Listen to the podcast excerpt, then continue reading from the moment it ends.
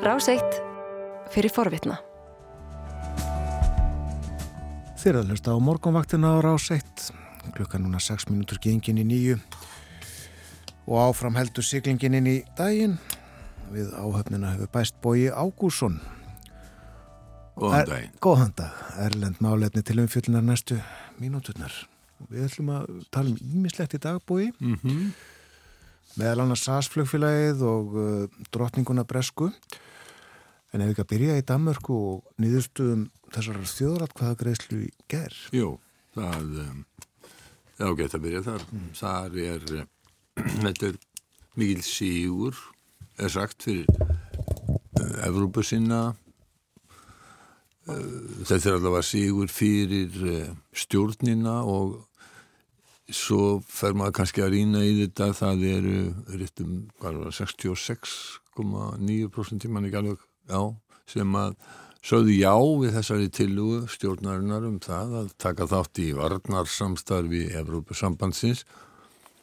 Um, en ef að við hugsum þetta aðeins öðruvísi og lítum á það að allir stærstu stjórnmálflokkar landsins og allir flokkarnir sem er ekki einhverstaðar langt til hægri eða langt til vinstri þeir mæltu allir með því að það er sagt já. Það er danski þjóðaflokkurinn og, og annar hérna, nýjir borgaralegir sem eru enþá hægri sinnaðri og svo er það einheilslistin vinstraminn, jável SF Socialistisk Folkeparti uh, sem eins og var nú ekki sérstaklega hrifið af NATO. Uh, þau mæltu með því að uh, til að hann er samþygt ef maður horfður út, út á þessu þá, þá, er, þá er kannski ekki skrítið að tveir þrýður hlutar Dana skildu segja já Nei. en Danir hafa oft verið mjög svona skeftískir á mjög náið sam, sa, samstarf innan Evrópusambandsins mm. og ég held að með minnir að þetta hafi verið nýjunda þjóðrætkvæða Gríslan um uh, einhver málefnin tengd Evrópusambandinu sem að Danir fara í og svo fyrsta var náttúrulega hvort þeir ættu almennt að ganga inn í, í ESB eða ekki. Já. Þeir hafa verið svolítið sér á barti í, í þessu samstarfi öllu saman. Þeir Írar hafa líka verið til leðindastundum fyrir uh, þá sem að ráða í, í Brussel og, og, og, og mikla Európa-samband sína uh, en þetta er sem sagt hæsta tala sem að já, þetta, tveir þriðju, það var aldrei jafn margir verið hlindir því sem að stjórnum það var lagt til mm. og beðið Dani um, um að samþykja. Það má rifja upp til dæmis að Dani sögðu neyfið að taka upp efuruna í kringum aldamótin um, alveg svo svíjar. Já. Sko þetta sem er að spyrja hvað er þetta eiginlega? Danir er í NATO og hvað er þetta samstarf Evropasambansins í varnamálum? Þetta eru svona, þeir eru með fríðagæslulið um, niður á Balkanska, þeir hafa tekið þátt í fríðagæslu eða fríðarstarfi í Afríku. Og fríðarstarfi í þessu tilfelli er það að menn senda herlið á staðin til þess að, að halda í sundur uh, þeim sem annars myndu hjóla uh, hverji aðra. Og uh, svo er það sem að skiptir ekki síður máli og það er samband eh, samstarf ríkjana í upplýsingamálum og í innkaupum menn hafa verið að segja sko núna skiptir þetta meira máli heldur nokkuð sinni fyrr þegar að eh, öll Európaríki eru að stórauka útgjöld til varnarmála að það sé eitthvað samhæft á milli ríkjana þannig að þau bara einfallega þetta er bara eins og sko, stort köffilag ja. það fær lægra verð heldur en uh, lítið köffilag eða einstaklingar. Innkaup segir, þarf að tala um kaupa á herrgóknum Ég verður að tala um kaupa á herrgóknum Já, já, já. já.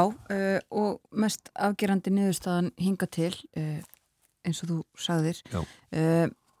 Og það var allstaðar þannig að í öllum hlutum Danmörkur þá var meira hluti fyrir mikill meira hluti fyrir öllum kjöldæmum. Ég ætla að vekja aðtíkli á einu.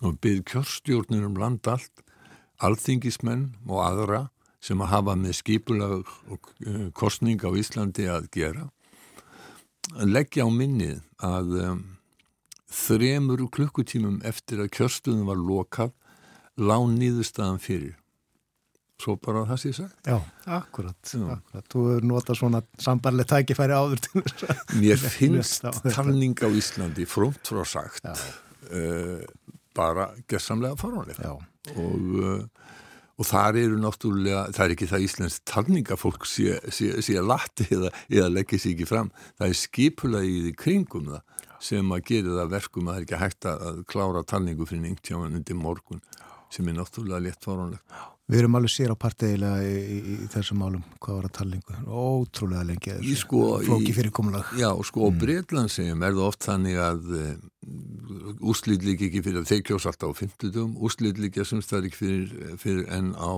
lögati en það er þá vegna þess að þeir bara byrja almennt ekkert að telja fyrir daginn eftir eða, eða, eða jável sko á á lögadegi eftir kostningar. Já, það var þannig núna til dæmis, manna við töluðum um það í, kostningunum þar í voru að, að þá bara fór fólk heim þegar kjörstunni lokaði og Já. mætti aftur átt á morgunin eftir eða eitthvað svo leiðis. Og við skulum, við skulum rétt vona að þeir hafi læst kjörgögnin inni og innsiklað vel.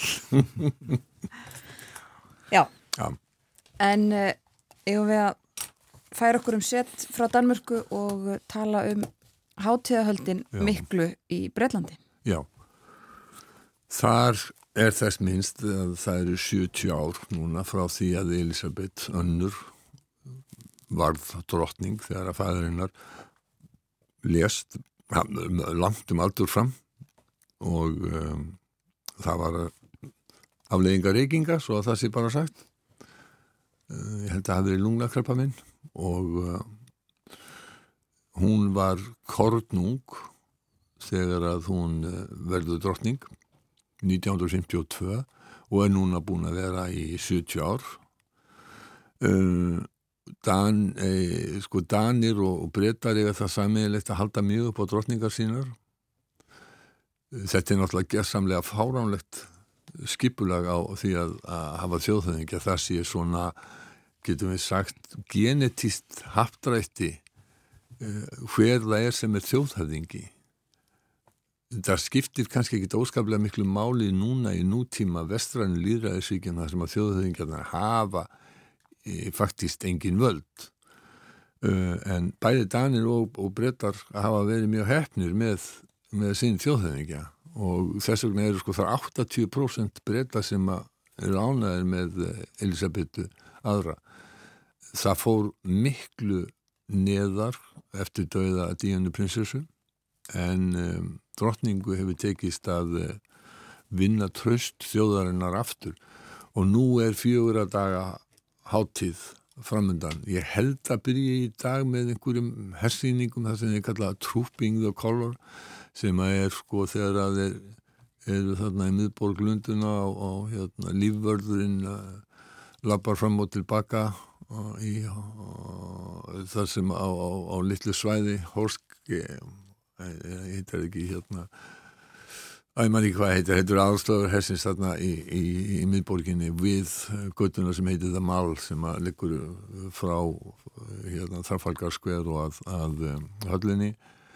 Um, þarna fer lífurðin fram og tilbaka með sveiflarbissum sínum og það eru spilaðir massar og svo er uh, rittaralið þarna sínir listi sína það minnir pínu okkur lítið á það að fyrir mörgum, mörgum, mörgum árum að þá var góður vinnu minn Karl Sigtríksson í heimsók þegar ég var frettamæður í Kveipmannöfn og ég var að keira hann út á flúvöld sem betur fyrir lág okkur ekkert mjög á en við leið okkar lág í gegnum miðbæinn um gotterskaði e, þar við þá götu eru herbúðir lífvarðar drotningar og þeir marsýra niður þá götu í átt að Amalíuborg höllinni. Og þetta er á heitum sumardegi. Og þeir við einhverju hluta vegna við erum fyrsti bíl fyrir aftan. Og svo náttúrulega myndast gríðarlega bílaröð. Þetta er mikil umferðagata og hér og svo og lífvörðin fer þarna. Ekki tætt að fara fram úr þeim. Í bjarnaskins hónu sínum í kannski svona 25-30 steg að hýta og, og Kalli hann leita á mig eftir smá stund þar sem við höfum farið þennan lötur hægt á eftir þeim og sagði og þetta er fullorðið fólk. En sko alla serimónýr kringum þetta eru náttúrulega létt fóranlegar já, já. en þetta trekkir af túrista segja menn og er þannig mjög svona uh, vænt til þess að styðja ferðamanna í naðinn og, og efnahag þjóðarinnar. Já, talaðan um það að þessi mörgum miljörðum varið í varning uh, vegna þessara nokkru daga. Já. Uh, og þá er það varningur tengdur konungsfjölskyldunni. Ja. en svo eru þetta líka öll hátíðahöldi uh -huh. Ég, ég, ég heitti góð, góðan mann núna fyrir vikunni sem var þá að koma beint frá Lundunum og hann hafði ætlað að kaupa og, og, og gefa einhver, einhver slíka minnjagripi tengda. Hann sagði að það var bara ekki nokkuð lífandi það var allt uppsett Já. Þetta er vinsalt fólk. Og þetta hefst alls saman í dag og Jú. fjögur að daga hátíðahöld uh, út um allt land. Já. og breytar fá frí. Breytar fá frí, þetta er það sem þeir kalla hérna, bankhóliði, það er náttúrulega, er ekki hvítasunan uh, og, og leiðandi uh, ekstra löng helgi og, og, og það, þýðir, það er líka skóla hérna, skólafrí í Breitlandi þetta þýðir það að breytar hafa verið mjög faraldsfæting Já. og vilja dempa sér mar margt fólk sem hefur gefið komist í frí frá því fyrir faraldur. Já. Þannig að það er mjög mikil, eins og þið segja, ferða þrá og það er klart að flugvellir og flugfélög hafa á enganháttur undir þetta búin því að það er búið að vera kás, ölltröð og skelvilega sögur á mörgum flugvellum. Bara í gær þá held ég að, að það hafi verið frest að það hafi verið felda nýður Þú varst einmitt í morgun að tala um hvað var í marga flugular að koma til Íslands í, á þessum sólaring, hvað voru það marga björn? 75 minni mig 75, já, já. Eh, bara flugferðina sem voru felda nýður í Breitlandi í gerð voru 155 Hvað sér? Og þá getum við ímynda okkur hversu margir það eru sem að verða fyrir uh, já, vandræðum efnaðarslu, sko peningalígu tjóni og alls konar mm fyrir utan það að, að það er e, náttúrulega sko, að alltaf sér frí og byrja á því að þú, þú ert jável komin upp að hliði þegar þú fær töljupostum það að búið fellanir í flýðið og svo eru endalis vandræði í sko það voru 1400 manns í Diblinum síðustu, á síðasta sunnudag sem að mistu af flýgi og það er engar aðstæðu og sko viðar er engar aðstæðu og það er algjör tróðningur og, og, og örtröð Þannig þetta er ekki mjög skemmtilegt. Ástæðan fyrir þessu, hún er náttúrulega svo að uh, það var mjög mörgum var sagt upp bæði á flugvöllum og hjá flugfélögum í, þegar heimsfaraldurinn var og uh, það verðist vera sem að hvorki flugvallar yfirvöld nýje uh, flugfélög þarna hafi gert almenlega ráð fyrir því hversu margir kæmu. Við höfum nú heilt svettir hérna á Íslandi þar sem að snemma árs talaðum að það vantaði eh, fólk eh, Ísafi hefur nú gengið þokkalega vel skilst mér og þeir, þeir eru svona tiltölu ánæði með að við það ástand sem er víða í Európa. Þetta er ekki bara bundið í Breitlandsegar en það, það er einna verst á, á Breitlandsegar. Vanda fólk sem sagt til starfa já. bæði hjá flugfélagunum og já. á flugvöllunum já. en sko flugin eru samt á áallin og svo slegin af þegar, þegar allt er komið í rugg. Já. Þetta er skrítið. Þetta er mjög skrítið.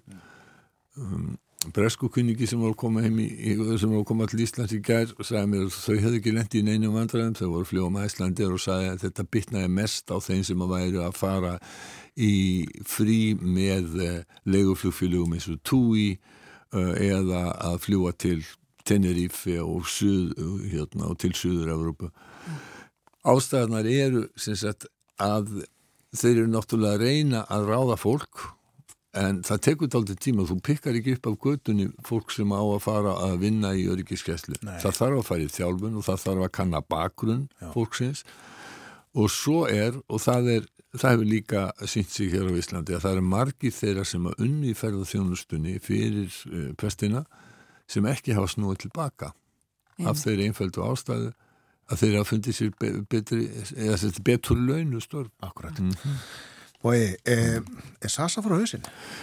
það mætti halda það. Það er enn einu sinni komnar fréttir um það að, að SAS sé í, í vandraðum og við tölum, vonum að tala um þetta síðasta höst einmitt og það hefur í, í rauninni ekkert batnað uh, ástandið hjá, hjá, hjá félaginu vegna þess að uh, svona það sem við getum sagt að það sem er að í, í rekstrinum er það að þetta er félag sem er gamalt félag uh, svo kallar flaggkarriér fyrir þrjálfþjóðir flaggkarriér eins og eins og, British Airways, eins og Æslandi er félag sem að sittur uppi með uh, samninga við verkanlýsfélag og starfsfólk sitt sem eru félaginu dýrari heldur en ný flugfélög uh, þurfa að borga. Þeir eru einfallega að borga miklu hærri laun heldur en nýju félögin sem eru mörg hver og hafa útvist að starfseminni uh, og banna fólki að ganga í verkalýsfélög sum hver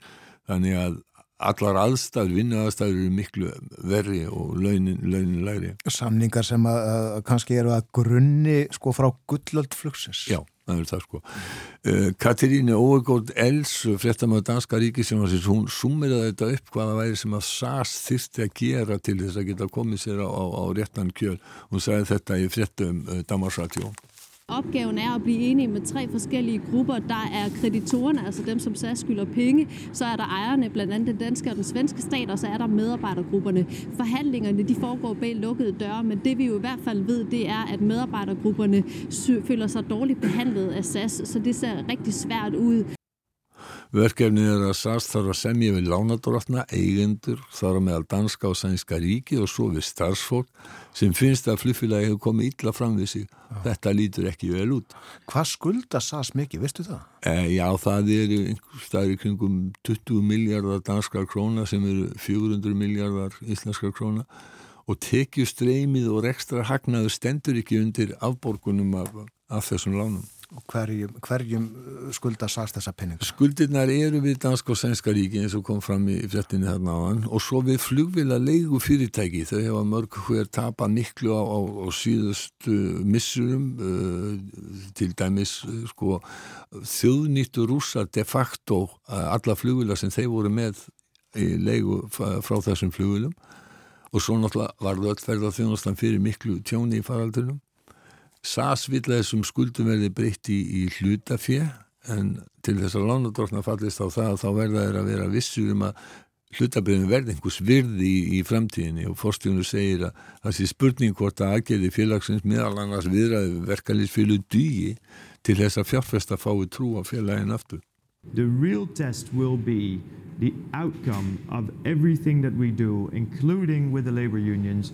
Will that be enough to attract new investors to the company?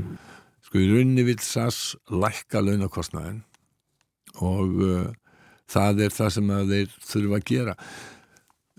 Svona viðskiptamódel SAS byggði upp á því að selja mönnum eða fólki sem er í viðskiptaerindum far, farmiða, það borgar miklu hæri, hæra, miklu meira fyrir sinn farmiða heldur en þeir sem eru farið frí. Og ef það er sko ríkið eða fyrirtækið sem að borga fyrir það þá ættu ekki að hugsa neitt sérstaklega um hvað miðin kostar sko.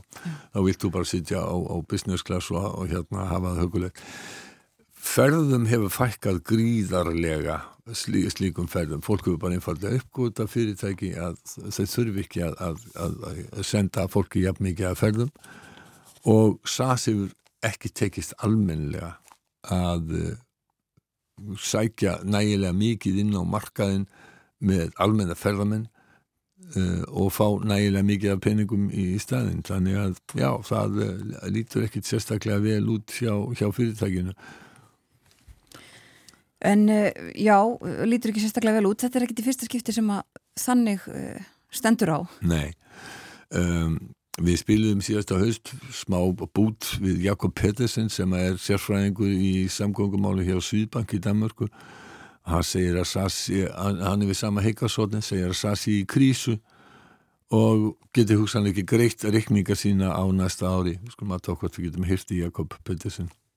SAS er i en krise nu, hvor man ikke kan være sikker på, at man inden for det næste år til halvanden kan betale sine regninger. Þetta er mjög einfalt. hugsanlega getur SAS ekki greitt hérna, staði við skuldbindingar sínar á, já, eftir svona sex mánu. Og þá er bali búið. Takk fyrir í dag, Bói Ágursson. Þú varst að hlusta á hlaðvarpsþátt frá Rás 1. Ef þið langar til að heyra meira, farðu þá á rúf.is skástrygg hlaðvarp eða spilaran á rúf.is skástrygg útvarp. Rás 1 fyrir forvitna.